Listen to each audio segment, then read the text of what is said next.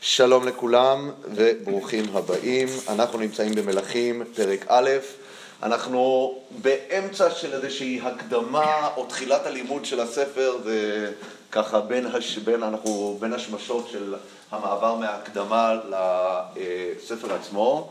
למה אני מתכוון? אנחנו כאן בשיעורים הראשונים עשינו הקדמה שבעל פה כללית על ספר מלכים ועל מקומו בתוך הרצף של אה, נביאים ראשונים ועל המוטיבים המרכזיים שבו ועוד. ובשיעור הקודם אנחנו כבר התחלנו לקרוא בפנים, אבל אנחנו עדיין בהקדמה. למה? כי כפי שאנחנו הסברנו כבר כמה פעמים, פתיחה של ספר היא תמיד מהווה מעין הקדמה אה, לספר אה, כולו. אה, ואנחנו נראה היום שוב את ההמשך של הסיפור הזה שהתחלנו לגעת בו, איך הסיפור הפותח של ספר מלכים מהווה מעין אה, כניסה לאיזושהי סוגיה מאוד מאוד מרכזית מנהיגותית שתלווה אותנו לאורך ספר מלכים, היא בוודאי תלווה אותנו בתוך המלכות של שלמה כאיזושהי דילמה באמת מאוד משמעותית, וזה יהיה עיקר העיסוק שלנו היום בשיעור הזה, אה, בנקודה הזאת שהתחלנו לגעת בה. במקום לתת הקדמות להקדמות, נתחיל שוב פעם לקרוא בפנים. אני שוב פעם מתחיל לקרוא מהר, אני אקרא במהירות אה, כלשהי מתחילת פרק א'.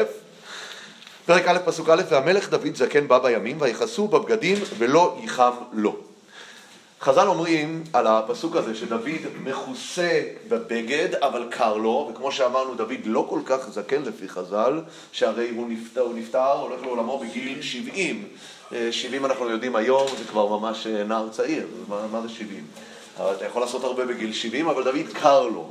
ולמה קר לו? חז"ל אומרים מדרש, מכיוון שכשדוד היה במערה ושאול נכנס להסך את רגליו וכמובן אנשי שאול, אנשי דוד דחקו בו מאוד ללכת ולפגוע בשאול שרודף אותו. אבל דוד אמר, איך אשלח ידי במשיח השם? אבל מה הוא עושה? הוא הולך וחותך את כנף מעילו של שאול, את הפינה, ואחרי זה הוא כביכול מראה לשאול, תראה, יכלתי לפגוע בך, אבל אני לא פוגע בך. חז"ל אומרים שהוא זלזל בבגדים, ולכן הוא סבל מקור. מה המשמעות של האמירה הזאת של חז"ל? אנחנו, מה שנראה מיד בהמשך, אני אשים את זה כסוג של uh, ספוילר בשבילכם להמשך השיעור, שאנחנו באמת נראה שיש משמעות עמוקה לדעתי למדרש הזה של חז"ל, שדוד קר לו כי הוא פגע בבגד של שאול, אבל בואו בוא נתקדם עוד קצת. ויאמרו לו עבדיו, יבקשו לאדוני המלך נערה בתולה, ועמדה לפני המלך, ותהי לו סוכנת, ושכבה בחיקך, וחם לאדוני המלך. ויבקשו נערה יפה בכל גבול ישראל, וימצאו את אבישג השונמית, ויביאו אותה למלך. והנערה יפה עד מאוד, ותהי למלך סוכנת, ותשרתהו, והמלך לא ידעה. אז אנחנו דיברנו בשיעור הקודם על המקום הזה של, אה, והמשמעות של הסיפור הזה של אבישג, כי אנחנו נראה מיד, המשפט הבא שפותח, מה הוא? ואדוניה בן חגית מתנשא לאמור, אני אמלוך, יש לה סיפור של אדוניה, שחושב שהוא הולך להיות המלך. ואנחנו ניסינו להבין מה הקשר של הסיפור הפותח הזה, שכמו שאמרנו, לסיפור הזה יש איזושהי משמעות קצת נלעגת. של מלך שקר לו, וכל העם אה, עכשיו מתעורר לפרויקט לאומי, למצוא נערה שתשכב בחיקו ותחמם אותו. איך זה בדיוק מכבד את דוד המלך, הסיפור הפותח הזה? ובמיוחד הסיומת שלו, והמלך לא ידעה. מה, מה הסיומת הזאת היא באה להגיד לנו? היא באה להגיד לנו, הוא לא ידעה כי זו לא הייתה המטרה שלשמה היא הגיעה אליו, אלא רק כדי לחמם אותו, אבל לא למטרות אישות, או שהמשפט והמלך לא ידעה, בא להגיד שהמלך לא היה בכוחו לדעת אותה, כי כבר תשש כוחו וכבר כוחותיו הגופניים לא עמדו לו. שני הכיוונים הפרשניים הללו מופיעים כאן. אברבנאל אומר שלא ידעה כי הוא פשוט לא יכל, הוא היה כמו שאנחנו רואים זקן, בא בימים, כוחו לא אה, היה במותניו. אבל כשאנחנו מדברים על אה, אה, הפרשנות היותר אה, אה, מוכרת ורגילה, לא ידעה, כי זו לא הייתה מטרה שלשמה הביאו את אבישג אל אה, דוד המלך. אבל אחד מהדברים שכן בולטים כאן, אנחנו רואים בשלב הזה של הסיפור, זה עד כמה הסיפור הזה הוא ההפך מן הקצה לקצה מסיפור בת שבע. בסיפור בת שבע איפה דוד נמצא? כאשר הסיפור מתחיל, איפה הוא נמצא? על הגג, איפה כאן הוא נמצא? למטה, הוא נמצא בחדר משכבו. זאת אומרת, שם הוא כבר על הגג, אני, אני תמיד אוהב לתאר את הגג, זה המרפסת המלכותית, הפנטהאוז הכי גבוה כנראה בעיר, הוא עומד שם, הוא משקיף, והוא נמצא בעמדה שהוא יכול להשקיף ולראות דברים שמתחתיו, ושם הוא רואה את מי? הוא רואה את בת שבע רוחצת על הגג, ממרום מעמדו כמלך, ומה הוא עושה? הוא רואה שגם היא יפה מאוד, והוא שולח ומביא אותה, היא מוצאת חן בעיניו, ומביא אותה אליו, והוא שוכב איתה. כאשר אנחנו מסתכלים פה, הכל הפוך לגמרי. דוד פסיבי, שוכב, זקן, בא בימים, לא יכול לזוז, קר לו, הוא במיטה. ומה הוא עושה? צריך שעבדיו ילכו ויבקשו לו נערה. זה לא הוא שולח ולוקח אותה, אלא יש כאן המערך המלכותי מתגייס לטובת המשימה הלאומית של חימום המלך. כן? יש כאן משימה לאומית קר למלך, מה עושים? יש כאן כרגע מערך שלם, ויבקשו לו נערה בכל גבול ישראל. כל עם ישראל יודע שמה המצב כרגע? שלדוד המלך קר. נכון? אנחנו לא ראינו בשידוכים אחרים של מלכים שזה נהיה פרויקט לאומי מעבר למלך אחד שהוגדר כמלך שותה. מי זה? אחשורוש. אחשורוש, אצלו זה הופך למשימה לאומית למצוא שידך למלך אחשורוש. דוד המלך זה לא, זה לא זה, אבל יש כאן סיטואציה מאוד... לא נעימה שאפילו מבזה אפשר להגיד את דוד המלך אה, במעמדו.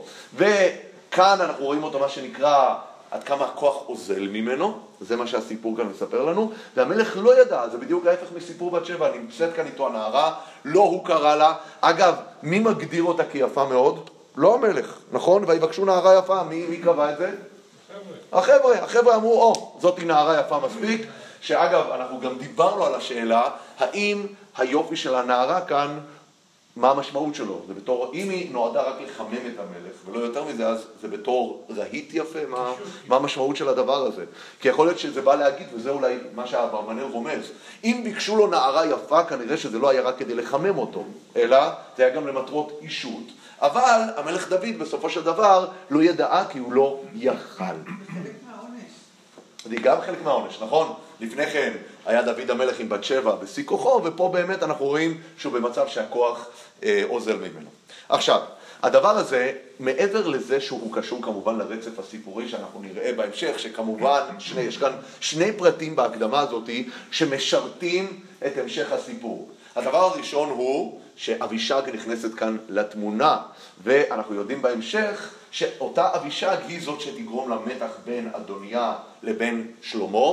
כאשר אדוניה יבקש לשאת אותה לאישה, שלמה יוציא אותו להורג בעוון מרידה, כי הוא מזהה את הרצון של אדוניה לשאת את אבישג, הפילגש של אביו, כאיזושהי יומרה מלכותית. אז זה דבר אחד. הדבר השני, שכשהמלך חלש, אז מתעורר איזשהו חלל מנהיגותי, ושוב פעם מתעוררת השאלה מיהו היורש. אז זה כמובן על פי הפשט הסיבה הפשוטה. למה באמת הסיפור הזה מובא כרקע להמשך הסיפור על, הס... על, ה... על המתח שיש בין אדוניה לבין שלמה בנוגע למי ימלוך. אבל אנחנו רצינו להציע בשיעור הקודם איזשהו מבט יותר מעמיק על הסיפור הזה, מדוע סיפור מחלת דוד עם אבישג נבחר להיות הסיפור הפותח של ספר מלכים. ואמרנו כדלהלן, ואנחנו נתחיל משם ונרחיב את זה טיפה יותר, תוך כדי הקריאה שלנו בתוך הפרק. הסיפור של החולשה של דוד, אמרנו, הוא מייצג כאן את שני הפנים שיש לדוד המלך, שראינו אותם גם לאורך ספר שמואל. יש את מצד אחד את דוד המשורר, בעל ההשראה, הנער שמשוטט בלילות, צמא נפשי לאלוקים, לקהל חי, כל ליבו ונפשו מתפרצים ברגש וקרבה לקדוש ברוך הוא, זה דוד המשורר. זה אותו דוד שכותב את ספר תהילים. מצד שני יש את דוד הלוחם, עז הנפש, גיבור המלחמה, שמצליח במלחמות. אני אוהב לקרוא לזה דוד, דוד הג'ינג'י מה שנקרא. דוד אדום השיער, שיש לו את היכולות אה, באמת הקרב, התעוזה, יש לו כוחות מאוד מאוד עצומים, מה שנקרא בעולם הגשמי. ואנחנו ראינו גם שפרקי ההמלכה של דוד המלך מציגים את הפנים השונות האלה של דוד, את שתי הפנים הללו, של דוד הלוחם מול דוד המשורר. שאול קורא לדוד לנגן לפניו ולקבל השראה כשרוח השם עוזבת אותו, כי הוא רוצה לקבל מדוד רוח. מצד שני אנחנו רואים שדוד הולך ונלחם ומכה את גוליית, שם מתגלה דוד גיבור המלחמה. ותמיד השאלה הגדולה שצריכה להיות, וזו השאלה שמתעוררת כאן ברגע שכוחו של דוד תשש. דוד באמת הולך ודועך, אנחנו רואים שכל כוחות הגוף של דוד עוזבים אותו, אין לו כבר את אותו פאר שהיינו מצפים שיהיה למלך, את אותה גבורה, את אותו עוז, וכאן יש שאלה מי הולך למלוך. ואנחנו מיד נראה שאדוניה ושלמה מייצגים את הפנים השונות הללו שיש לדוד המלך. אדוניה, אנחנו מיד נראה איך מתארים אותו, בואו נראה. ואדוניה בן חגית, אני קורא בפסוק ה', מתנשא למלוך, לאמור, אני אמלוך. ויעש לו רכב ופרשים וחמישים איש רצים לפניו. אדוניה, קודם כל הוא מתנשא. מתנשא, יש לו גאווה, יש לו עיזוז, יש לו יומרה. אני יכול להיות מלך, ומה הוא עושה? הוא עושה לעצמו פרשים שרצים לפניו. אגב, אנחנו יודעים שתמיד כשאנחנו מחברים מלך עם סוסים, זה לא יוצר דברים טובים. התורה אומרת רק לא ירבה לו סוסים. למה? כי הסוסים גורמים לגאווה. כל המטרה של פרשת המלך בספר דברים זה מטרה אחת, לבלתי רום לבבו מאחיו. המלך צריך להיות אחד שמבין שהוא משרת את העם. הוא לא נמצא מעליהם, הוא לא זה שיותר טוב מהם, אלא הוא למענם. לכן לא מרבה נשים, ולא כסף וזהב, ולא סוסים, והוא נושא את ספר התורה בחיקו כדי להבין שתמיד יש מעליו עוד סמכות יותר גבוהה. וכאן אנחנו רואים שאדוניה הוא עדיין לא מלך, הוא רק מתנסה למלוך, ומה הדבר הראשון שהוא עושה? סוסים, חמישים פרשים רצים לפניו, זאת אומרת כבר אנחנו רואים שהוא טיפוס שהרבה יותר מתחבר לאופי החיצוני של הפאר וההדר והגבורה שנלווית לתפקיד המלוכה. הדבר הזה, שוב פעם אנחנו נראה גם שהוא מושווה, הדמות של אדוניה מושווית למי? בואו נראה מיד. ולא עצבו אביו מימיו לאמור, מדוע ככה עשית? אז מדוע ככה עשית, על מה זה מדבר? זה לדוגמה. זה לא מדוע ככה עשית על הפרשים והסוסים, אלא כשהוא אה, לא אסף את הצעצועים. או כשהוא רב עם אחים שלו, או כשהוא איחר לבית ספר. אבא שלו לא, לא עצבו אביו מימיו, אז מתפתח כאן נער מפונק, שיש לו גם יומרות, אבל בואו נראה מה עוד אנחנו יודעים עליו. וגם הוא טוב תואר מאוד. זאת אומרת, מה זה גם הוא טוב תואר מאוד? ואותו ילדה אחרי אבשלום. איך קוראים, אה, איך קוראים לאימא שלו? חגית, נכון? אנחנו יודעים שהוא לא האח של מי? האח של אבשלום. נכון? אבשלום הוא בן מי? בן מעכה. הבת של מלך קשור, נכון? הם לא אחים מאותה אימא. אבל גם כתוב וגם אותו ילדה כנראה בסדר, זה מדברים כאן על סדר ההולדה, כפי שראינו בשמואל ב' בפרק ב' או ג', אני לא זוכר איפה זה, איפה בסוף מצאנו את זה, שסדר ההולדה, אמנון הוא הבא בתור לירושה אחרי אבשלום, וגם הוא טוב תואר מאוד, הוא טוב תואר, זאת אומרת יש לו כמו אבשלום, לא סתם משווים אותו לאבשלום, יש לו באמת את אותן אה, איכויות, את אותו יופי חיצוני, את אותו הדר שהיה לאבשלום. גם אבשלום עשה לו חמישים פרשים שרצו לפניו. אז אנחנו רואים שאדוניה משתייך באמת לז'אנר של העוצמה החיצונית הזאת. ועכשיו, וזה חשוב מאוד, ויהיו דבריו עם יואב בן צרויה ועם אביתר הכהן, ויעזרו אחרי אדוניה. יש כאן, הוא עושה קואליציה עם מי? עם יואב בן צרויה ועם אביתר הכהן. אנחנו מיד בהמשך, אנחנו נסביר מה הקואליציה הזאת עם יואב ועם אביתר. שתי אנשים שהוא מתחבר אליהם. אבל מה אנחנו רואים מיד? שזו מפלגה אחת. מהי המפלגה השנייה? וצדוק הכהן ובניהו בן יהוידע ונתן הנביא ושמעי ורעי והגיבורים אשר לדוד לא היו עם אדוניה. זאת אומרת, נוצרת כאן, נוצרות כאן אינטריגות בתוך בית המלוכה, היא מתפצל, יש מצד אחד את מפלגת אדוניה ביחד עם יואב בן צרויה ואביתר הכהן, ובצד השני יש את מי? יש את מי? אנחנו לא רואים, יש את שלמה, נכון? יש שלמה אגב לא מוזכר פה עדיין, אבל בהמשך הוא יצטרף. אבל יש את צדוק, יש את בניהו בן יהוידע, ויש את נתן הנביא, ויש כאן עוד אה, שמעי וראי הגיבורים של דוד שאנחנו פחות מכירים אותם, אנחנו לא יודעים הרבה מה להגיד עליהם. שמעי זה לא, כנראה לא שמעי בן גרה, אבל אז לכן אני אומר, יש כאן יש קצת תעלומה מזה האנשים האלה, אבל הם לא היו עם אדוניהו. עכשיו מה אנחנו רואים שהוא עושה? ויזבח אדוניהו צאן ובקר ומרי עם אבן הזוחלת אשר אצל עין רוגל, ויקרא את כל אחיו בני המלך ולכל אנשי יהודה עבדי המלך, אנחנו אמרנו שהוא קורא לאנשי יהודה, לאנשי יהודה למה? כי הם תמיד היו נקודת התורפה של דוד המלך מאז איחוד הממלכה. אנשי יהודה מאוד מתוסכלים שהם איבדו את מעמדם הייחודי. אבשלום ניצל את זה בזמנו לפתיחת המרד בחברון, בירת יהודה. שוב פעם אנחנו רואים שאדוניה הולך באותם צעדים שאבשלום עושה ומשתמש באנשי יהודה כדי להתסיס ולפתח את המרד, ומה הוא אומר להם? אני משלכם, אני אחד משלכם, אני אחזיר את שבט יהודה לגדולתו. זה בעצם מה שגם אמר אה, אבשלום. ואת נתן הנביא ובניהו ואת הגיבורים ואת שלמה אחיו לא קרא.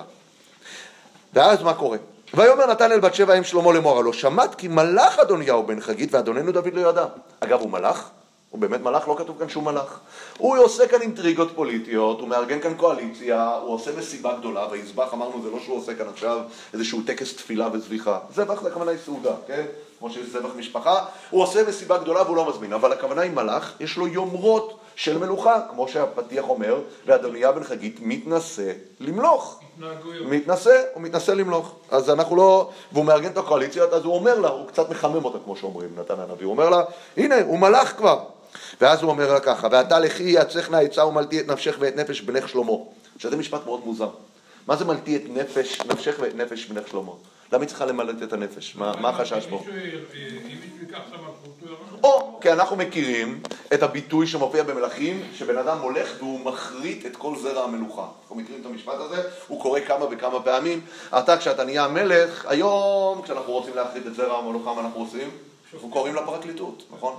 אז היו רוצחים. אז uh, כשהיינו, היו, צריכים למה שנקרא להזיז את המתנגדים מהשטח. מה זה? היום את הנשמה. כן, מוציאים את הנשמה. יכול להיות שלהרוג בפעם אחת יותר טוב, זה נכון. אה, בכל מקרה, אתה, אתה, אתה מזכיר לי אה, בדיחה ששמעתי עכשיו לא מזמן, הרי האמריקאים נוהגים לאכול בבוקר eggs and ham, נכון? זה חזיר וביצים. זאת אומרת שפעם החזיר והתרנגולת אה, נפגשו ודיברו על זה שהם מגישים אותם כל בוקר לאנשים אה, לאכול. אז החזיר אומר לתרנגולת, שמעי, כיף לך, אותי, כדי לשים אותי על הצלחת צריכים להרוג אותי. אומרת, כן, אבל אני צריכה כל יום להביא ביצה, לעבוד קשה, זה, זה, זה, לא, זה לא הרבה יותר פשוט מאשר פעם אחת למות ולעלות על הצלחת, אז בוא. זה, אז אני אומר, אה, זה, זה מה שנקרא התרנגולת והחזיר. אבל בכל מקרה, לענייננו, פה הוא היה מחריט את כל אזר המלוכה, זה נראה הפשטות של העניין, באמת, כמו שאתה אומר. אה, אבל זה שוב פעם, זה מספר לנו כאן דבר, יש כאן איזשהו סיפור רקע שאנחנו לא מכירים אותו, שעוד מעט נתוודע אליו, האם באמת שלמה היה מסומן למלוכה כבר או לא. לכאורה אנחנו מיד נגלה שהייתה איזושהי שבועה שדוד נשבע לבת שבע, והיא מזכירה את השבועה. אנחנו גם יודעים שהיה לשלמה איזשהו יחס מיוחד, כי אנחנו יודעים בתוך ספר שמואל ב', כאשר שלמה נולד, אנחנו רואים שדוד, איך הוא קרא לו? שלמה, אבל אנחנו יודעים שנתן מגיע ואומר לו, תקרא לו ידידיה, נכון? כי השם האבו. יש לו באמת איזשהו מעמד מיוחד, לא כתוב שמה שהוא יהיה אה, המלך עדיין, אבל כאן אנחנו מגלים שהייתה, אחר כך אנחנו נגלה שגם הייתה שבועה, אז זה טבעי שהוא יוציא אותו להורג, כי כנראה הוא המועמד השני במערכת הבחירות התוססת הזאת מי יהיה המלך הבא. אז בואו נראה. לכי ובואי, אני לא סתם מדבר על הנושא למלט את נפש, כי יש כאן עוד איזושהי תיאוריה מעניינת, מה הכוונה מלטי את נפש, אה, נפשך ונפש בנך, עוד, עוד נדבר על זה. לכי ובואי אל המלך דוד ואמרת אליו, הלא אתה אדוני המלך נשבעת לאמתך לאמור, כי שלמה בנך ימלוך אחריי והוא יושב על כיסי, ומדוע מלאך אדוניהו? הנה עודך מדברת שם עם המלך, הם מתכננים את זה ככה לפרטי פרטים, תוך כדי שאת מדברת, ואני אבוא אחרייך ומילאתי את דברייך, אני אחזק את הדברים. ותבוא בת שבע אל המלך החדרה, והמלך זקן מאוד, ואבישג השונמית משרת את המלך. ותיקוד בת שבע ותשתחו למלך, ויאמר המלך מלאך, ותאמרו לה אדוני, אתה נשבעת בהשם אלוקיך לאמתך כי שלמה בנך ימלוך אחריי והוא יושב על כיסי ואתה הנה אדוני המלאך. שוב פעם כל הזמן אומרים שהוא מלאך, מלאך, מלאך הוא לא מלאך, אנחנו יודעים, אבל הוא עושה כבר צעדים משמעותיים לגבש את הקואליציה ולהוביל את המהלך, נכון? ואתה, אדוני המלך, לא ידעת. ויסבח שור ומרי וצאן לרוב, ויקרא לכל בני המלך ולאביתר הכהן, וליאב שר הצבא, ולשלמה עבדך לא קרא. ואתה, אדוני המלך, עיני כל ישראל עליך להגיד להם, מי ישב על כיסא אדוני המלך אחריו, מחכים לשמוע מי יהיה ההמשך. והיה כי שכב אדוני המלך עם אבותיו, והייתי אני ובני שלמה חטאים. מה זה אני הייתי, אני ובני שלמה חטאים? מה הכוונה חטאים? מה זה, מה? חטאים, היינו מחטיאים את המטרה. זה מה שמפריע לה עכשיו, שהמטרה לא תתמלא. הנכון שנייה נראה, אני חושב שזה מתחבר למה שאמרתי לכם קודם, אני חושב שזו נקודה חשובה. והיה כשכב אדוני המלך עם אבותיו, והייתי הנה עם שלמה ונחתאים, והנה עודנה מדברת עם המלך, ונתן הנביא בא, ויגידו למלך לאמור, הנה נתן הנביא, ויבוא לפני המלך, וישתחו למלך על אפיו ארצה. ויאמר נתן, אדוני המלך, אתה אמרת אדוניהו ימלוך אחריי, והוא ישב על כיסי כי ירד היום, ויזבח שור ומרי וצאן לרוב, ויקרא לכל בני המלך ולשרי הצבא ולאביתר הכהן, והנם אוכלים ושותים לפניו, ויאמרו, יחי המלך אדוניהו. זה לא שמענו קודם, נכון? זה תמיד מעניין לראות איך הסיפור מתפתח ומתגלגל. אבל יכול, אני, אני מניח, שוב פעם אני אומר שהדיבורים האלה נעשים שם, אבל זה כמו מטבע הדברים של סוג האינטריגות האלה, בהתחלה רק מתכנסים, חושבים איזה בלב, בשלב מסוים מתחילים לדבר, פתאום יש איזושהי הדלפה לתקשורת ויש איזשהו טור עיתונאי שבאמת אדוניהו ראוי למלוכה, אבל לא, אנחנו לא רואים כאן מהסיפור שהייתה המלאכה. לא הייתה, לא כתוב כאן שהייתה המלאכה, אבל זה דיבורים שהנה, יש כאן כבר המלך, הולך להיות המלך.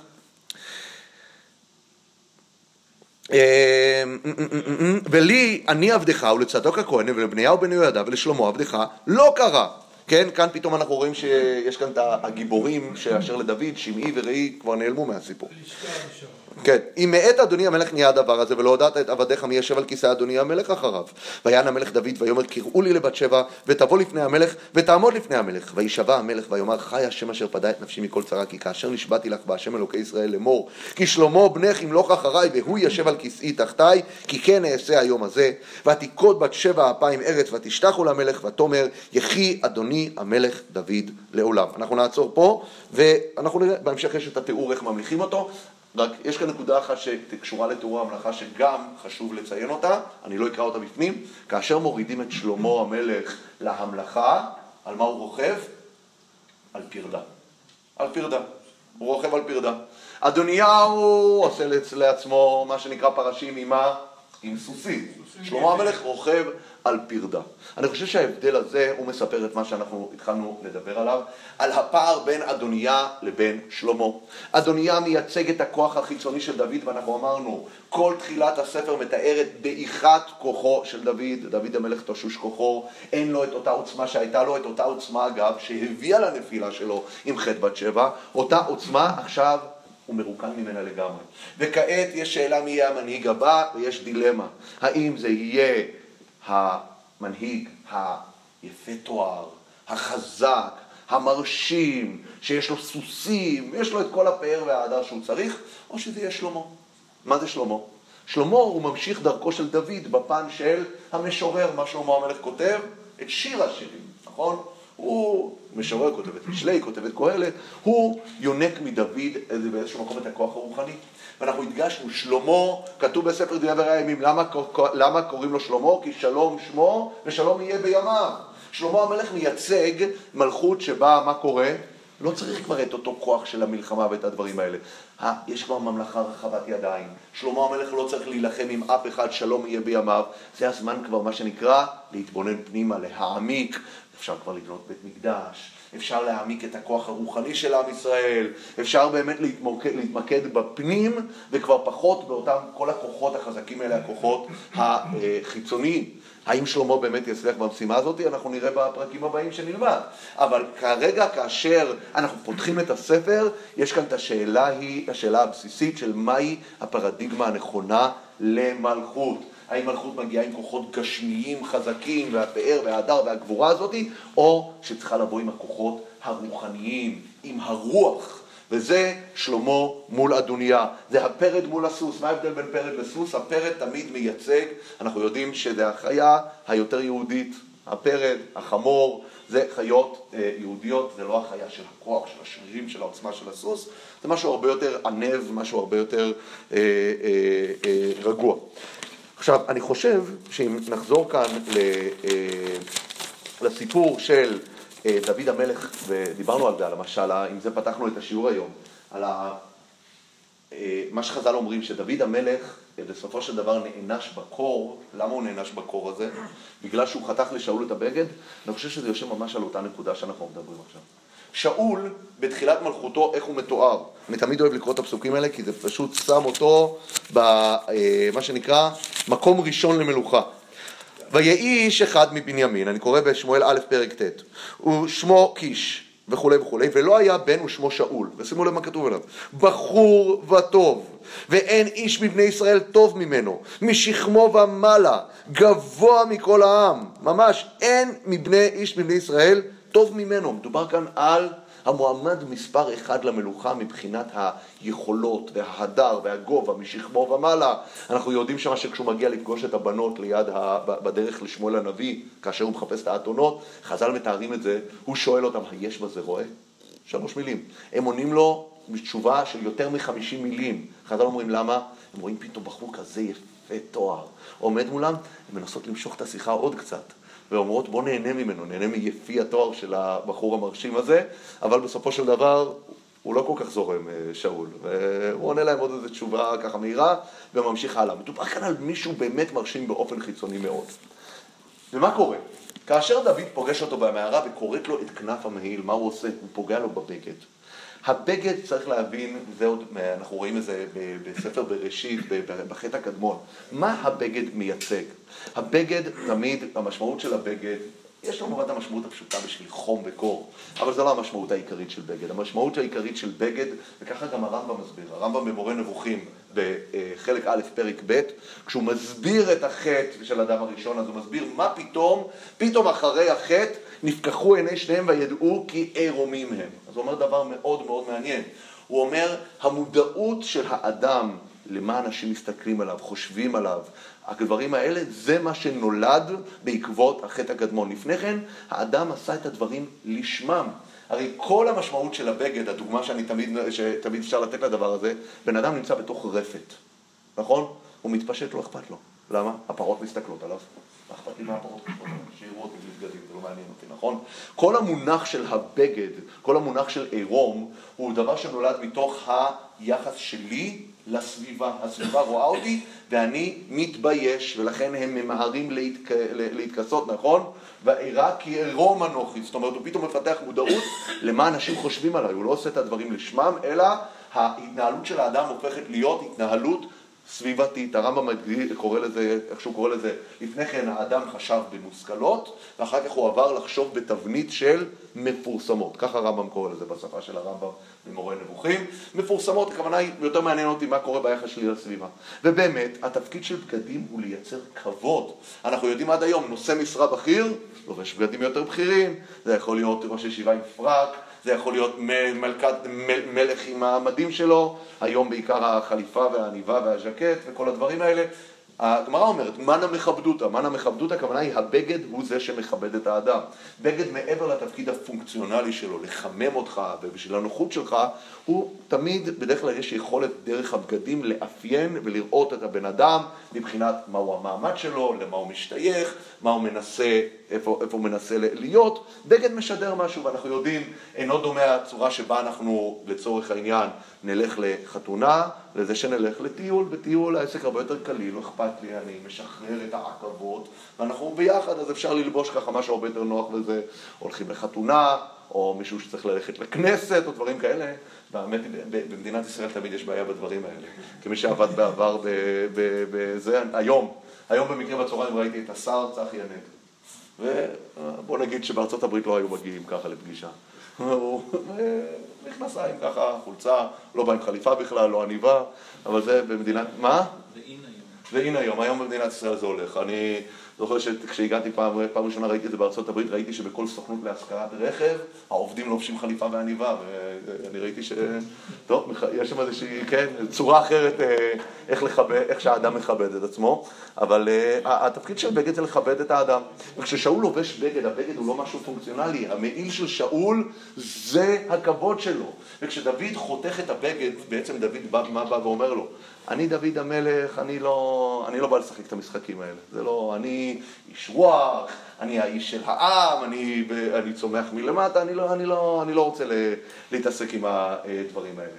לכן דווקא כאן, כביכול חז"ל באים ומדגישים, כאן כשדוד מאבד את כוחו, אנחנו מזכירים לו, תשמע, אתה מאבד את כוחך, אתה כביכול ההדר שלך היה פעם בתור מלך, התפארת שהייתה לך בתור, בתור מלך, אתה עכשיו מאבד אותה, וזה רקע לכל הסיפור, כי אם אנחנו רוצים לראות את אדוניה מול דוד, זה השאלה, האם אנחנו נתייחס למלכות מהפן של הבגד שלה, האופן החיצוני, איך שבגדים באמת מכבדים אותך בעיני אה, אנשים, נותנים לך את אותו הדר שאתה מצופה להיות בו בתור מלך, שככה אדוניה רואה את הדברים באמת.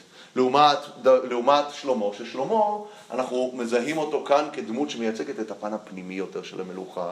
הסיפור הפותח הזה, חז"ל מזהים בו בדיוק את הנקודה הזאת, שכשדוד חולה וקר לו, אז בדיוק עולה, נזכרת אותה אה, פרשייה שהיה לו מול שאול, שבה הוא אה, באמת, אה, מה שנקרא, פוגם בהדר ובכבוד החיצוני של המלכות.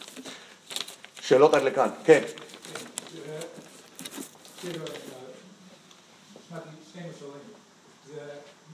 דוד מבזה את המלכות ששאול זוהר. נכון, את הבגד שלו, בגד המלוכה. זה כמו שצריך אסור ללכת עם כתב. נכון. עכשיו שאול צריך לחזור עם כל הצבא, עם כל האנשים. והוא רואה אותו עם זה. נכון. זה המלך. ושני, פשוט עכשיו דוד אמר למלך, עם בדים. כן, נכון. נכון, אבל אני חושב אגב, אם אתה אומר על הנקודה ששאול חובק כאן יכול להיות גם סוג של ביזיון פומבי מול כולם, גם דוד חובק כאן הרבה ביזיון פומבי. המלך קר, כמו שאמרתי, כל עם ישראל יודע שלמלך קר.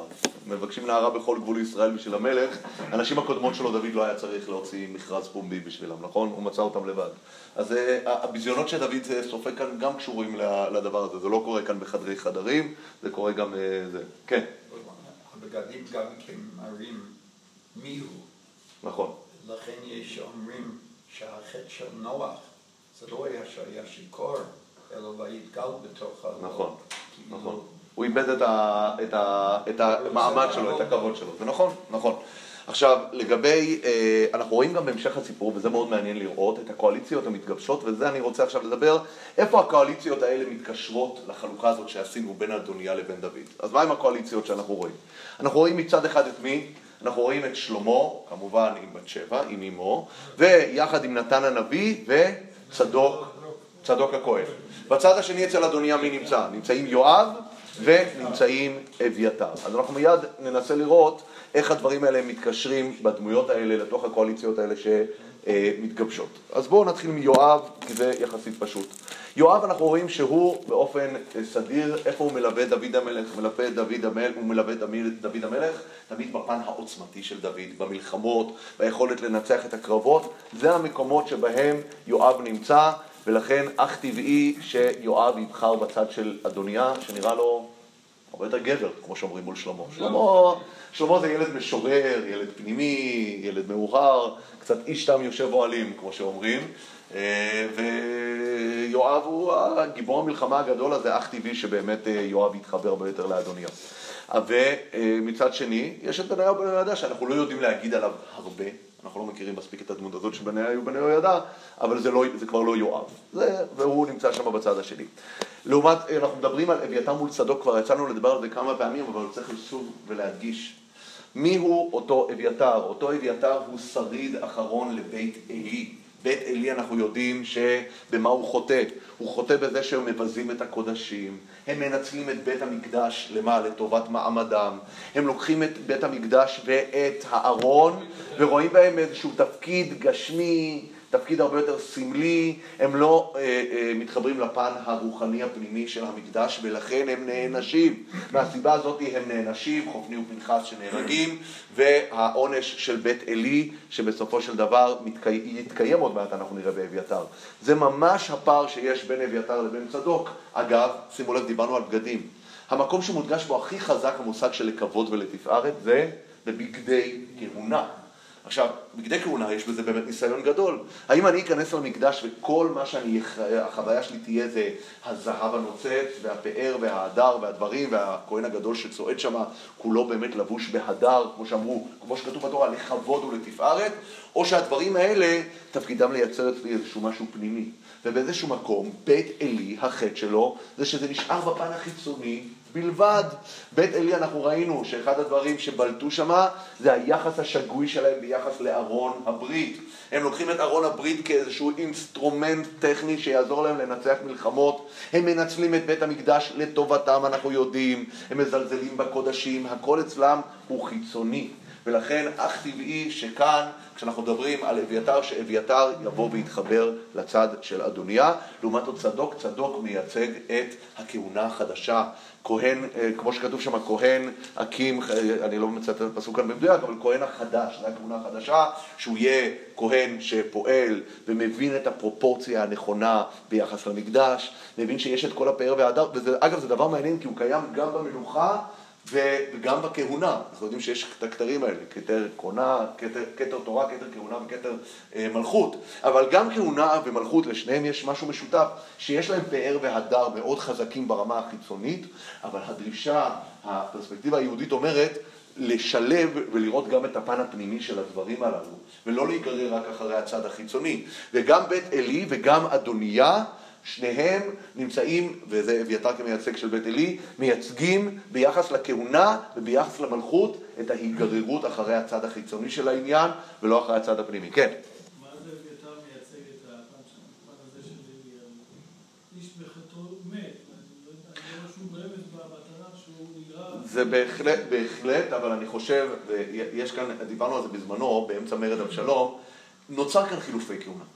זה נתון שאנחנו רואים אותו תוך כדי מרד אבשלום, זאת אומרת, אביתר מודח מהכהונה, אני, אני, ובסופו של דבר, אגב, יכול להיות ש... וצריך לקרוא את זה ברצף. אם אני קורא ברצף את, את, את הנתונים הבאים, הנתונים אומרים ככה: בית עלי נענש, ואנחנו יודעים שאביתר הוא השריד האחרון לבית עלי, נכון? אנחנו יודעים שאביתר מודח מהכהונה על ידי דוד ומוחלף בצדוק, ואנחנו יודעים שפה בסיפור אביתר בוחר בצד הלא נכון, ובסופו של דבר באמת אנחנו נקרא בפרק ב' ששלמה שולח אותו, אומר לו אביתר, ענתות לך על שדיך, לך תגור בענתות ותהיה שמה, אתה מודח מהכהונה. זאת אומרת שכנראה אביתר נוהג בדרכי אבותיו, זה, זה, זה מה שמתבקש להגיד כאן. כי אם לא, אין לי, אין לי סיבה להניח למה הוא באמת אה, אה, אה, מודח וגם נשפט לרעה פה על ידי הכתובים. מה שהכתוב לא מספר לי, אני לא יכול לדעת כמובן, אבל מה, ש, מה שכאן אני רואה זה בסופו של דבר שהכתוב בעצמו כותב, וזה בסופו של דבר, אתה יכול לראות בפרק ב', אה, אם תסתכל בפירוש, בפרק ב', בפסוק כ"ו, מלכים ב', מלכים א', פרק ב', פסוק כ"ו, ולאביתר הכהן אמר המלך, ענתות לך על שדיך כי איש מוות אתה, וביום הזה לא עמיתך כי נשאת את ארון השם אלוקים לפני דוד אבי, וכי התענית בכל אשר התענה אבי, ויגרש שלמה את אביתר מהיות כהן להשם, למלא את דבר השם אשר דיבר על בית עלי בשילה. זאת אומרת, הפסוקים בפירוש אומרים שאביתר נענש כחלק מהעונש של בית עלי. זאת אומרת שאביתר הוא המשך של בית עלי. ואם הוא המשך של בית עלי, אני מניח שהוא הלך בדרכיהם, וכנראה שבתחילת דרכו, אגב, כנראה הוא לא היה כל כך נורא, כי עובדה שבאמת דוד מזמין אותו להיות איתו. אביתר הרי הוא השריד האחרון מהטבח של כהני נוב על ידי שאול, ודוד מזמין אותו לבוא ולהיות איתו אה, וללוות אותו, אה, אבל בהמשך כנראה שהוא סרח. והוא חזר למידת אה, אה, אבותיו, אה, ולכן בסופו של דבר אנחנו רואים שהוא מצטרף לקואליציה הלא נכונה. אני חושב שיש כאן גם עוד נקודה מאוד משמעותית שבולטת פה בסיפור הזה, וזה שאנחנו רואים שבקואליציה, מהם הפונקציות שקיימות בקואליציה? יש איש צבא, נכון? כהן ונביא. כהן ונביא. אבל לצד של אדוניה, אין. אין נביא. אין נביא. אין נביא, זאת אומרת זה כבר אומר לנו, להם חסר את המוטיב הרוחני בתוך הפעילות שלהם. לשלמה, לצד של שלמה יש את נתן הנביא שמלווה אותו. להם אין את הצד הזה שמלווה אותם. ודיברנו על זה פעם הקודמת, ואני חושב שזה מאוד חזק, לפחות גם ברמה הספרותית, שאותה בת שבע שנכנסת לחדר של דוד כדי לדרוש את, מה? את המלכות של בנה, את מי היא פוגשת שם עומדת בתוך החדר? כתוב כאן בפירוש, מי נמצאת שם בחדר? אבישג נמצאת שם. תחשבו על המפגש הזה בין בת שבע. מי זאת בת שבע? בת שבע מייצגת את מה שהיה לדוד פעם, את הכוח שלו שאבד ממנו. דוד המלך זקן בא בימים, נכון? יחסו במועדים ולא יחם לו, כמו שאמרנו, במצב הכי הפוך מהמצב שבו הוא פוגש את בת שבע, שם הוא כביכול בשיא תפארתו. וכאן כשבת שבע פוגשת את אבישג, התפקיד הספרותי כאן של אבישג זה להיות אותה אחת שמה? מייצגת את התשישות של דוד, את אובדן כוחותיו. יש מפגש כאן דרבי, מה שנקרא, בין בת שבע לבין אבישג, בתוך החדר של דוד המלך, כשאבישג אומרת, הוא כבר זקן, נכון? כתוב ודוד, ודוד לא ידעה, היא, היא, כבר לא, היא כבר לא שמה. אגב, לא בכדי, כנראה, זה חלק מהרעיון שאנחנו נראה בפרק ב', שאדוניה מה רוצה? רוצה להתחתן עם אבישג, נכון? יש חיבור טבעי בין אדוניה לבין אבישג. הסיפור הפותח של ספר מלכים של אבישג שמגיעה לדוד, היא מייצגת את זה שדוד עבד כוחו, מביאים לו מישהי יפה תואר, הכי יפה בכל ארץ ישראל, נכון? היא לכאורה כביכול נכנסת לדוד כדי לעורר מחדש את כוחותיו הפיזיים, נכון? אבל, והמלך דוד לא ידע, לא ידע, אבל היא איזשהו, מה שנקרא, ניסיון אחרון, מה שנקרא להחזיר את כוחותיו הפיזיים של דוד לחיים. ובת שבע, מה מייצגת? בת שבע מייצגת את ה... את ה, מה שנקרא, את הכוח ש, של העבר. אבל, ולכן אנחנו רואים בפרק השני שאדוניה באמת רוצה להתחתן עם אבישג, כי הם בדיוק מייצגים את אותה נקודה. מייצגים את אותה נקודה, ולכן אך טבעי שאדוניה חושק בה. אבל פה כשנמצאים באמת בחדר משכבו של דוד, אני חושב שזה רגע מאוד מאוד אה, חזק שמייצג את המעבר הזה. וברגע האחרון, וכאן זה, אני חושב שכאן זה נקודה מאוד מאוד חשובה להבין מה קורה בסופו של דבר. וזה חשוב לשאלה ששאלתי אתכם לפני כן. הרי אנחנו ראינו שכתוב שמה החשש הגדול של בת שבע. אז זה מוצג בתור שני דברים. נתן אומר לה, ואתה לכי יעצך נעצה ומלטי את נפשך ואת נפש בנך שלמה. זה כתוב, כתוב uh, בהתחלה. בהמשך, כשבת שבע עומדת מול דוד, מה היא אומרת לו? מה היא אומרת לו? היא אומרת לו שאם אנחנו, אם שלמה המלך לא יהיה המלך, אז מה זה? והיינו אני ושלמה חטאים, נכון? אני לא מוצא את זה פתאום. איפה זה? הנה. והיה כי ישכב אדוני המלך עם עבודה והייתי אני ובני שלמה חטאים. שאלנו מה הכוונה חטאים. וכאן יש דבר מאוד מעניין שאברבנאל אומר, שאני מאוד מתחבר אליו בהקשר של מה שדיברנו. הוא אומר ככה, בוודאי שהסיבה הפשוטה למה היא צריכה למלט את נפש בנה, נפש שלה ונפש בנה, זה מהסיבה שציינו, שמה? שאדוניה יוציא אותנו להורג ברגע שהוא יהיה מלך כדי להסיר איומים. אבל הוא אומר משהו הרבה יותר מעניין. הוא אומר, הרי לאורך כל הדרך היה כל כך הרבה פקפוקים במה? בסיפור של דוד ובת שבע. יש פקפוקים בסיפור של דוד ובת שבע. אנחנו יודעים, גם חז"ל אומרים את זה, שכששמעי בן גרה יוצא ומעפר בעפר ומקלל את דוד ואומר צא צא איש הבליעל ואיש הדמים, אומרים מה זה איש הבליעל? איש הבליעל תפסו את זה, את הפעולה של דוד עם בת שבע, כפעולה של שחיתות. ולכן קוראים לו איש בליעל. כביכול הם באים ואומרים לו, אתה, דוד המלך, מה, זה מתאים לך הסיפור הזה עם בת שבע, שלחת את בעלה, הוצאת אותה להורג, לקחת אותה לאישה, וגם הסיפור הזה שאנחנו באמת, אני זוכר בזמנו, למדנו אותו שלושה או ארבעה שיעורים והשקענו לנסות להסביר ולסנגר וללמד זכות על דוד, זה כמו ש... שאנחנו אומרים, זה כל זה אנחנו יכולים לעשות ככה עם היד ולהסביר פה ברמה הפשוטה. צריך לחשוב איך האנשים הפשוטים שגרו בכפרים ובערים, איך הם הבינו את סיפור דוד ובת שבע. והיה כאן לעז נורא, היה לעז נורא. ולכן אחד מהדברים שאנחנו רואים מיד בסוף סיפור אה, דוד ובת שבע, שמלבד מה שזה מלמד אותנו כוח התשובה של דוד, שיודע להגיד לנתן הנביא מיד, חטאתי, ודוד נענש בעונשים נוראיים ומקבל עליו את הדין באהבה, אבל דבר אחד דוד זוכה. דוד זוכה שהמלך הממשיך הבא יהיה מי? יהיה שלמה. כדי מה לעשות? כדי ללמד אותנו שבסופו של דבר הסכימה דעת המקום עם דעתו. זה שבסופו של דבר הוא נשאר עם בת שבע, והוא חי איתה, והוא מוליד ממנה, הילד הראשון שנולד באמת, זה נקרא, זה סוג של פרי ביאושים, אחרי שבעה ימים הילד הזה מת, אבל הילד הבא שנולד, זה כבר מה שנקרא בהיתר, הוא נקרא שלמה, הקדוש ברוך הוא סומך את ידו עליו וקורא לו ידידיה. הילד הזה, שלמה, מעבר לסיבות האישיות שנכונות לו להיות מלך, הוא גם זה שמכשיר את השם של אביו דוד. ולכן, ולכן כששלמה הופך להיות מלך, זה סימן שמה?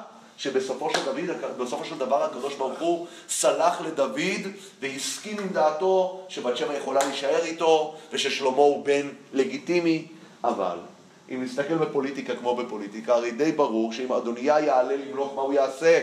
הדבר הראשון כדי להיפטר משלמה מה הוא יעשה, זה נכון שהוא יהרוג אותו, אבל הוא יהיה הרבה יותר מתוחכם.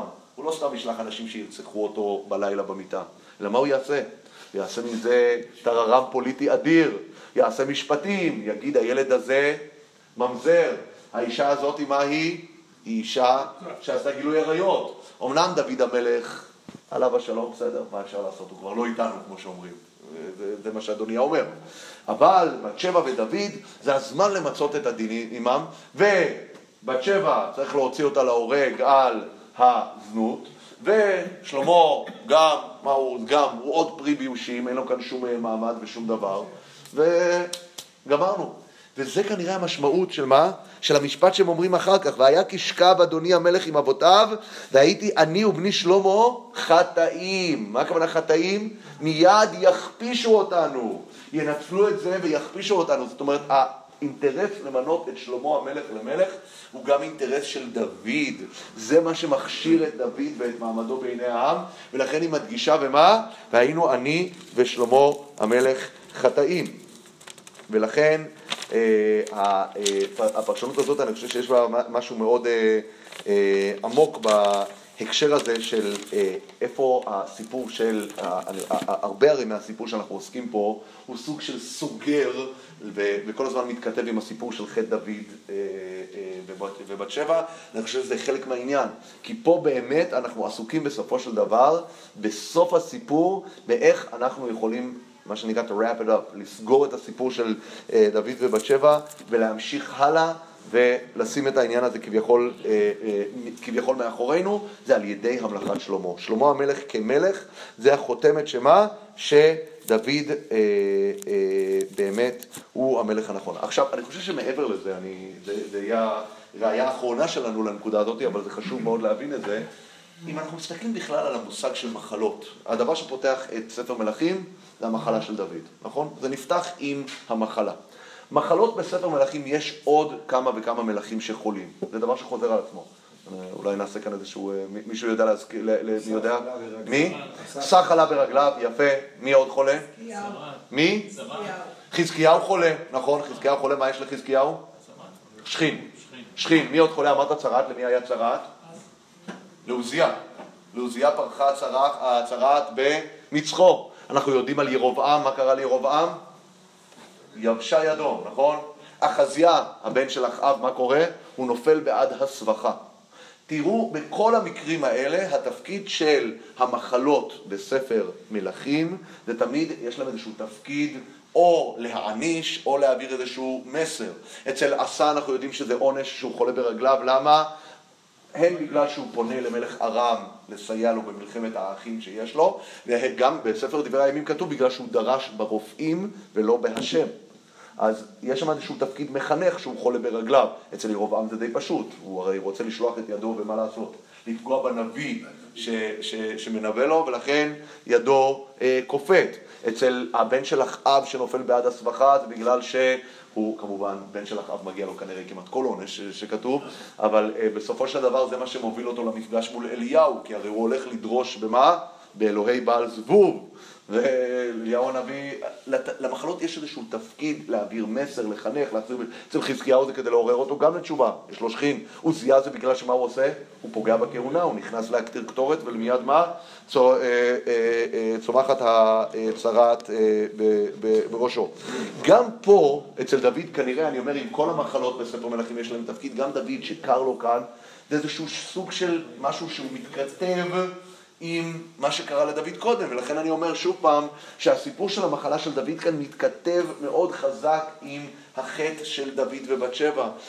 החטא של דוד ובת שבע נוכח כאן ברקע של כל הסיפור הזה, וכמו שאמרנו, התפקיד של המחלה כאן זה לייצג את דוד בחולשתו לעומת עוצמתו הרבה בחטא, אה, אה, בחטא בת שבע. אה, אנחנו אגב הזכרנו עוד סימן שהוא סימן מאוד מעניין, נכון? מה כתוב על אבישג? כתוב ושכבה בחיקיך. איפה מופיע הביטוי הזה שוב פעם? למשל כבשת הרש. מה כתוב שמה? ובחיקו תשכב ותהי לו כבת, נכון? כבשת הרש. וכמשל כבשת הרש כתוב ותשכב בחיקו. וכאן אבישג היא צריכה לשכב בחיקו של אה, דוד, אבל כאן דוד מוגבל, דוד כבר לא בכוחו ודוד לא ידעה, אז גם כאן כנראה כמו בכל שאר ספר מלכים, המלאכו, המחלות מייצגות איזשהו תפקיד חינוכי, אה, תפקיד מייצג. עכשיו, יש כאן אה, עוד, בואו אולי, אולי עכשיו אולי נמשיך לקרוא קצת בפרק, כי יש כאן איזושהי נקודה מאוד מעניינת שקשורה להמלכה. אז בואו אנחנו חוזרים לפסוק ל"ב. ויאמר המלך דוד, קראו לי לצדוק הכהן ולנתן הנביא ולבניהו בן יהוידע ויבואו לפני המלך. ויאמר המלך להם, קחו עמכם את עבדי אדוניכם, והרכבתם את שלמה בני על הפרדה אשר לי, והורדתם אותו אל גיחון. אנחנו יודעים, חז"ל גם אומרים, שכשמושכים מלך זה תמיד על המעיין, לסמל שגם המלכות תימשך כמו מים. ומשך אותו שם צדוק הכהן ונתן הנביא למלך על ישראל, ותקעתם בשופר ואמרתם, יחי המלך שלמה. ועליתם אחריו, הוא בא וישב על כיסאי, והוא ימלוך תחתיי, ואותו ציוויתי להיות נגיד על ישראל ועל יהודה. זאת אומרת, דוד מדגיש פה, שאנחנו יודעים שמתארגן שם איזשהו אה, מהלך פוליטי של מה? של אדוניה שמושך את אנשי יהודה לכיוונו, שלמה יהיה מלך על ממלכה מאוחדת על כולם. ויען בניהו בן יהוידע את המלך ויאמר אמן כן יאמר השם אלוקי אדוני המלך. כאשר היה השם עם אדוני המלך, כן יהיה עם שלמה, ויגדל את כיסאו מכיסא אדוני המלך דוד. וירד צדוק הכהן, ונתן הנביא, ובניהו בן יהוידע, והכרתי והפלטי, הכרתי והפלטי אמרנו זה היה היחידות המיוחדות שם של הצבא, שבניהו בן יהוידע היה מפקד עליהם. וירכיבו את שלמה על פרדת המלך, אמרנו שלמה רוכב על פרדה, לא, אין סוסים שרצים לפניו.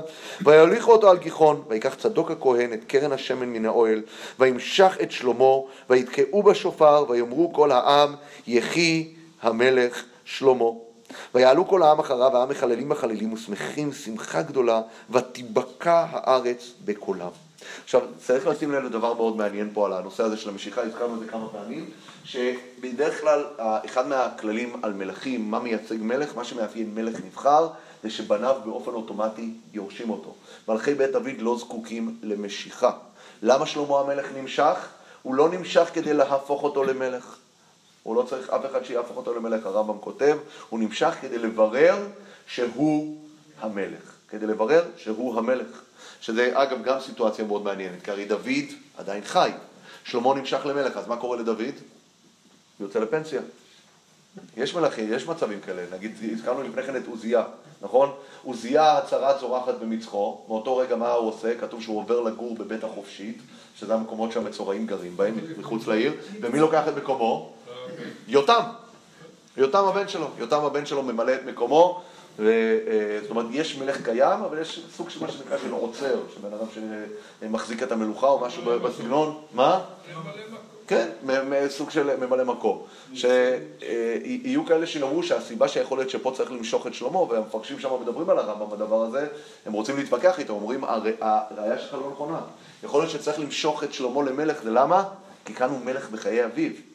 הוא מלך בחיי אביו, אז אין לו עדיין זכות לגיטימית להפוך למלך. זה נכון שמלכי בית דוד, הבנים שלהם יורשים אותם באופן אוטומטי ולא צריכים למשוך אותם, אבל למה? כי הם מתים. אז בניהם ממשיכים באופן אוטומטי. כאן דוד חורג מן הפרוטוקול. הוא ממנה מלך ממשיך בעודו אה, בחיים, ויכול להיות, שלכן, להיות שכאן, במצב הזה, הוא כן צריך למשוח אותו למלך ולהפוך אותו, אבל צריך לדעת, זה גם דבר מעניין, שמשיכה, ואנחנו ראינו את זה גם אצל אה, דוד ושאול, כאשר מושכים את דוד למלך, שאול עדיין מלך. דוד, שאול, האם שאול מפסיק להיות מלך? לא. האם דוד כבר הפך להיות מלך? גם לא. אז מה המשיכה עושה? משיכה יש לה איזשהו תפקיד שבעצם, אה, אנחנו ראינו את זה מאוד חזק בתוך התיאורים של ספר שמואל, היא נותנת לך כביכול את רוח השם, נכון? כתוב, אנחנו יודעים שמאותו רגע שדוד נמשך למלך בספר שמואל א' בפרק ט"ו, אני לא טועה, ט"ו, אז מיד אנחנו רואים שצולחת עליו רוח השם, והרוח עוזבת את שאול. זאת אומרת, יש משהו במשיכה שהיא מסמנת אותך ונותנת לך את אותה רוח ואת אותה השראה אה, מלכותית, אני עוד רגע אתייחס, להתייחס אליך, אה, אבל פה גם, שוב אנחנו רואים, זה חוזר על עצמו. עכשיו, הדבר הזה שחוזר על עצמו זה מאוד מעניין, כי השלבים האלה שאנחנו רואים במלוכה, הם מאוד מאוד מעניינים איך שהם חוזרים על עצמם, גם אצל שאול, גם אצל דוד וגם אצל שלמה. על מה אני מדבר? אנחנו רואים אצל שלושתם שיש שלב שבו המלך באופן אישי ופרסונלי נבחר להיות מלך. זה קורה אצל שאול מתי? בעליית הגג, נכון? בעליית הגג, ששמואל מסמן את שאול כמלך הבא. אחרי זה מה קורה? אחרי זה צריך באופן פורמלי, מה לעשות? להפוך אותו למלך. איך הופכים אותו באופן פורמלי למלך? עושים את הטקסים הפומביים המייצגים. איך, שאול, איך שמואל ושאול עושים את זה? שמואל לוקח את שאול אה, למצפה, ועושה שם טקס שלם של הגרלה גדולה, נכון? עד שנלכדת משפחת בנימין ומשפחת המטרי וכולי, ואז שאול, כמובן אנחנו לא מוצאים את שאול, שאול מתחבא, נחבא אל הכלים, כידוע, אבל שאול באופן פורמלי עובר את הטקס של ההמלכה. אז זה השלב הפורמלי. יש את השלב השלישי שזה נקרא שלב ההמלכה הפופולרית. זה אומר, זה נכון, הוא כרגע המלך הרשמי, אבל האם העם באמת אוהב אותו ומקבל אותו? מתי זה קורה לשאול? רק בשלב שאחרי שהוא מוביל את הניצחון הגדול באופן כריזמטי על נחש מלך עמון, נחש העמוני, והוא מצליח באמת באופן ספונטני וכריזמטי לאסוף צבא אדיר של 330 אלף איש, לעלות ולגונן על אנשי יבש גלעד מהאיום העמוני, ואז מה קורה? ואז העם נושא אותו על כפיו ואומר יחי המלך יחי המלך, זה השלב הפופולרי. גם דוד המלך עובר את אותו שלב. בבית לחם הוא מקבל את ההמלכה הפרסונלית שלו. באופן פרסונלי, בדיוק כמו ששאול על הגג, גם כאן זה חשאי, זה משהו בין שמואל לבין דוד. אבל הוא עדיין לא הופך למה? למלך. מתי הוא הופך למלך באופן פורמלי? בספר שמואל ב', בפרק ב', כאשר דוד מגיע לחברון, הוא הופך להיות באופן פורמלי המלך, אבל המלוכה עדיין חצויה, אנחנו יודעים שיש איש בושת שהוא מלך של הצפון, ודוד הוא המלך של יהודה. מתי דוד הופך להיות מלך ישראל? כאשר בפרק ה' הוא מצליח לאחד את המלוכה וכל העם מקבל את דוד באחדות למלך על כל ישראל. אז שוב פעם דוד עובר את השלבים האלה, יש לו את השלב האישי הפרסונלי, יש לו את השלב הפורמלי, שבו הוא מומלך ומתקבל למלך, אבל עדיין לא כל העם מקבל אותו, בסופו של דבר הוא עובר לשלב הפופולרי. אותו דבר שלמה המלך עובר. שלמה המלך באופן פרסונלי מסומן למלוכה מתי? כאשר דוד נשבע לאמו שהוא יהיה המלך, אז הוא באופן פרסונלי, אף אחד לא יודע על זה. באותה מידה שגם כששאול מומלך על הגג, אף אחד לא יודע על זה, אפילו לדוד שלו הוא לא מספר על זה. זה סוד כמוס, כשדוד נמשך למלך בבית לחם, גם אף אחד לא יודע על הדבר הזה. זה חשאי. זה אומר שהוא המיועד למלוכה, אבל זה נסגר בחדרי חדרים, וזה קורה ב... גם בשבועה שדוד נשבע לבת שבע, וגם בזה שנתן הנביא מגיע אחרי הלידה של שלמה ומשנה את שמו לידידיה, כי השם אהבו, הוא מסומן למלוכה. פה אצלנו אנחנו רואים שמה קורה? אנחנו רואים ששלמה המלך עובר טקס המלאכה פורמלי, מה שנקרא זה יוצא החוצה, מורידים אותו לגיחון, מושכים אותו למלך ומסמנים אותו באופן פורמלי, אתה המלך הבא. אבל האם העם מקבל אותו כמלך? אנחנו עדיין לא רואים את זה. איפה זה קורה? אנחנו נראה את זה בפרק, במלכים, בפ, פה אצלנו, בפרק ג', מה קורה, מה, מה קורה בפרק ג', שנייה, אני רק רוצה ל, ל, ל, לזה, אה, לפתוח בפרק אה, ג', בפרק ג' אנחנו רואים שיש לדוד המלך את אותה פופולריות שכל העם מקבל אותו אה, כמלך, ו... אנחנו רואים את זה בסוף פרק ג', אחרי משפט שלמה, אני קורא בסוף פרק ג' בפסוק כ"ח, וישמעו כל ישראל את המשפט אשר שפט המלך, ויראו מפני המלך כי ראו כי חוכמת אלוהים בקרבו לעשות משפט, ויהי המלך שלמה מלך על כל ישראל. כאן שלמה מגיע לשלב הפופולרי. השלב שבאמת כל העם מקבל אותו עליהם ברצון כמלך, אחרי שהוא עבר אצלנו בפרק את השלב הפורמלי שבו הוא מומלך, הוא עובר את הטקס, ואחרי שבחדרי חדרים הוא עבר את השלב הפרסונלי שבו הוא מסומן למלוכה על ידי נתן הנביא, מעביר את המסר מהקדוש ברוך הוא, ודוד שנשבע לבת שבע. מה זה? מה זה, פה? איפה, איפה אתה מדבר, איפה אתה קורא? פסוק ל"ט. רגע, פרק א', פסוק ל"ט. אגב, כל העם, כל העם זה לא כל עם ישראל. כל העם הכוונה היא כל הנוכחים. כל הנוכחים אומרים שם איך שלמה רוצים לייצר ותפיקה הארץ, הם מייצרים שם, כמו שאומרים ביידיש, מייצרים את הטומו. מייצרים את הבלגן, את הרעש, עוד שאנחנו לא הגענו לזה היום כדי להפחיד את אדוניה והכל, כדי מה שנקרא לעשות רעש. אבל זה לא אומר שהוא הופך להיות אותו מלך אהוב, שרצוי ואהוב על כל עם ישראל, זה קורה בשלב הרבה יותר מאוחר. אני מזכיר שוב, שבוע הבא לצערי לא יהיה שיעור, בלי נדר, בלי נדר החל, מאחר כך אנחנו נהיה ברצף עד לפסח. תודה רבה לכולם. מי שיכול להתחבר תפילת מערב עכשיו.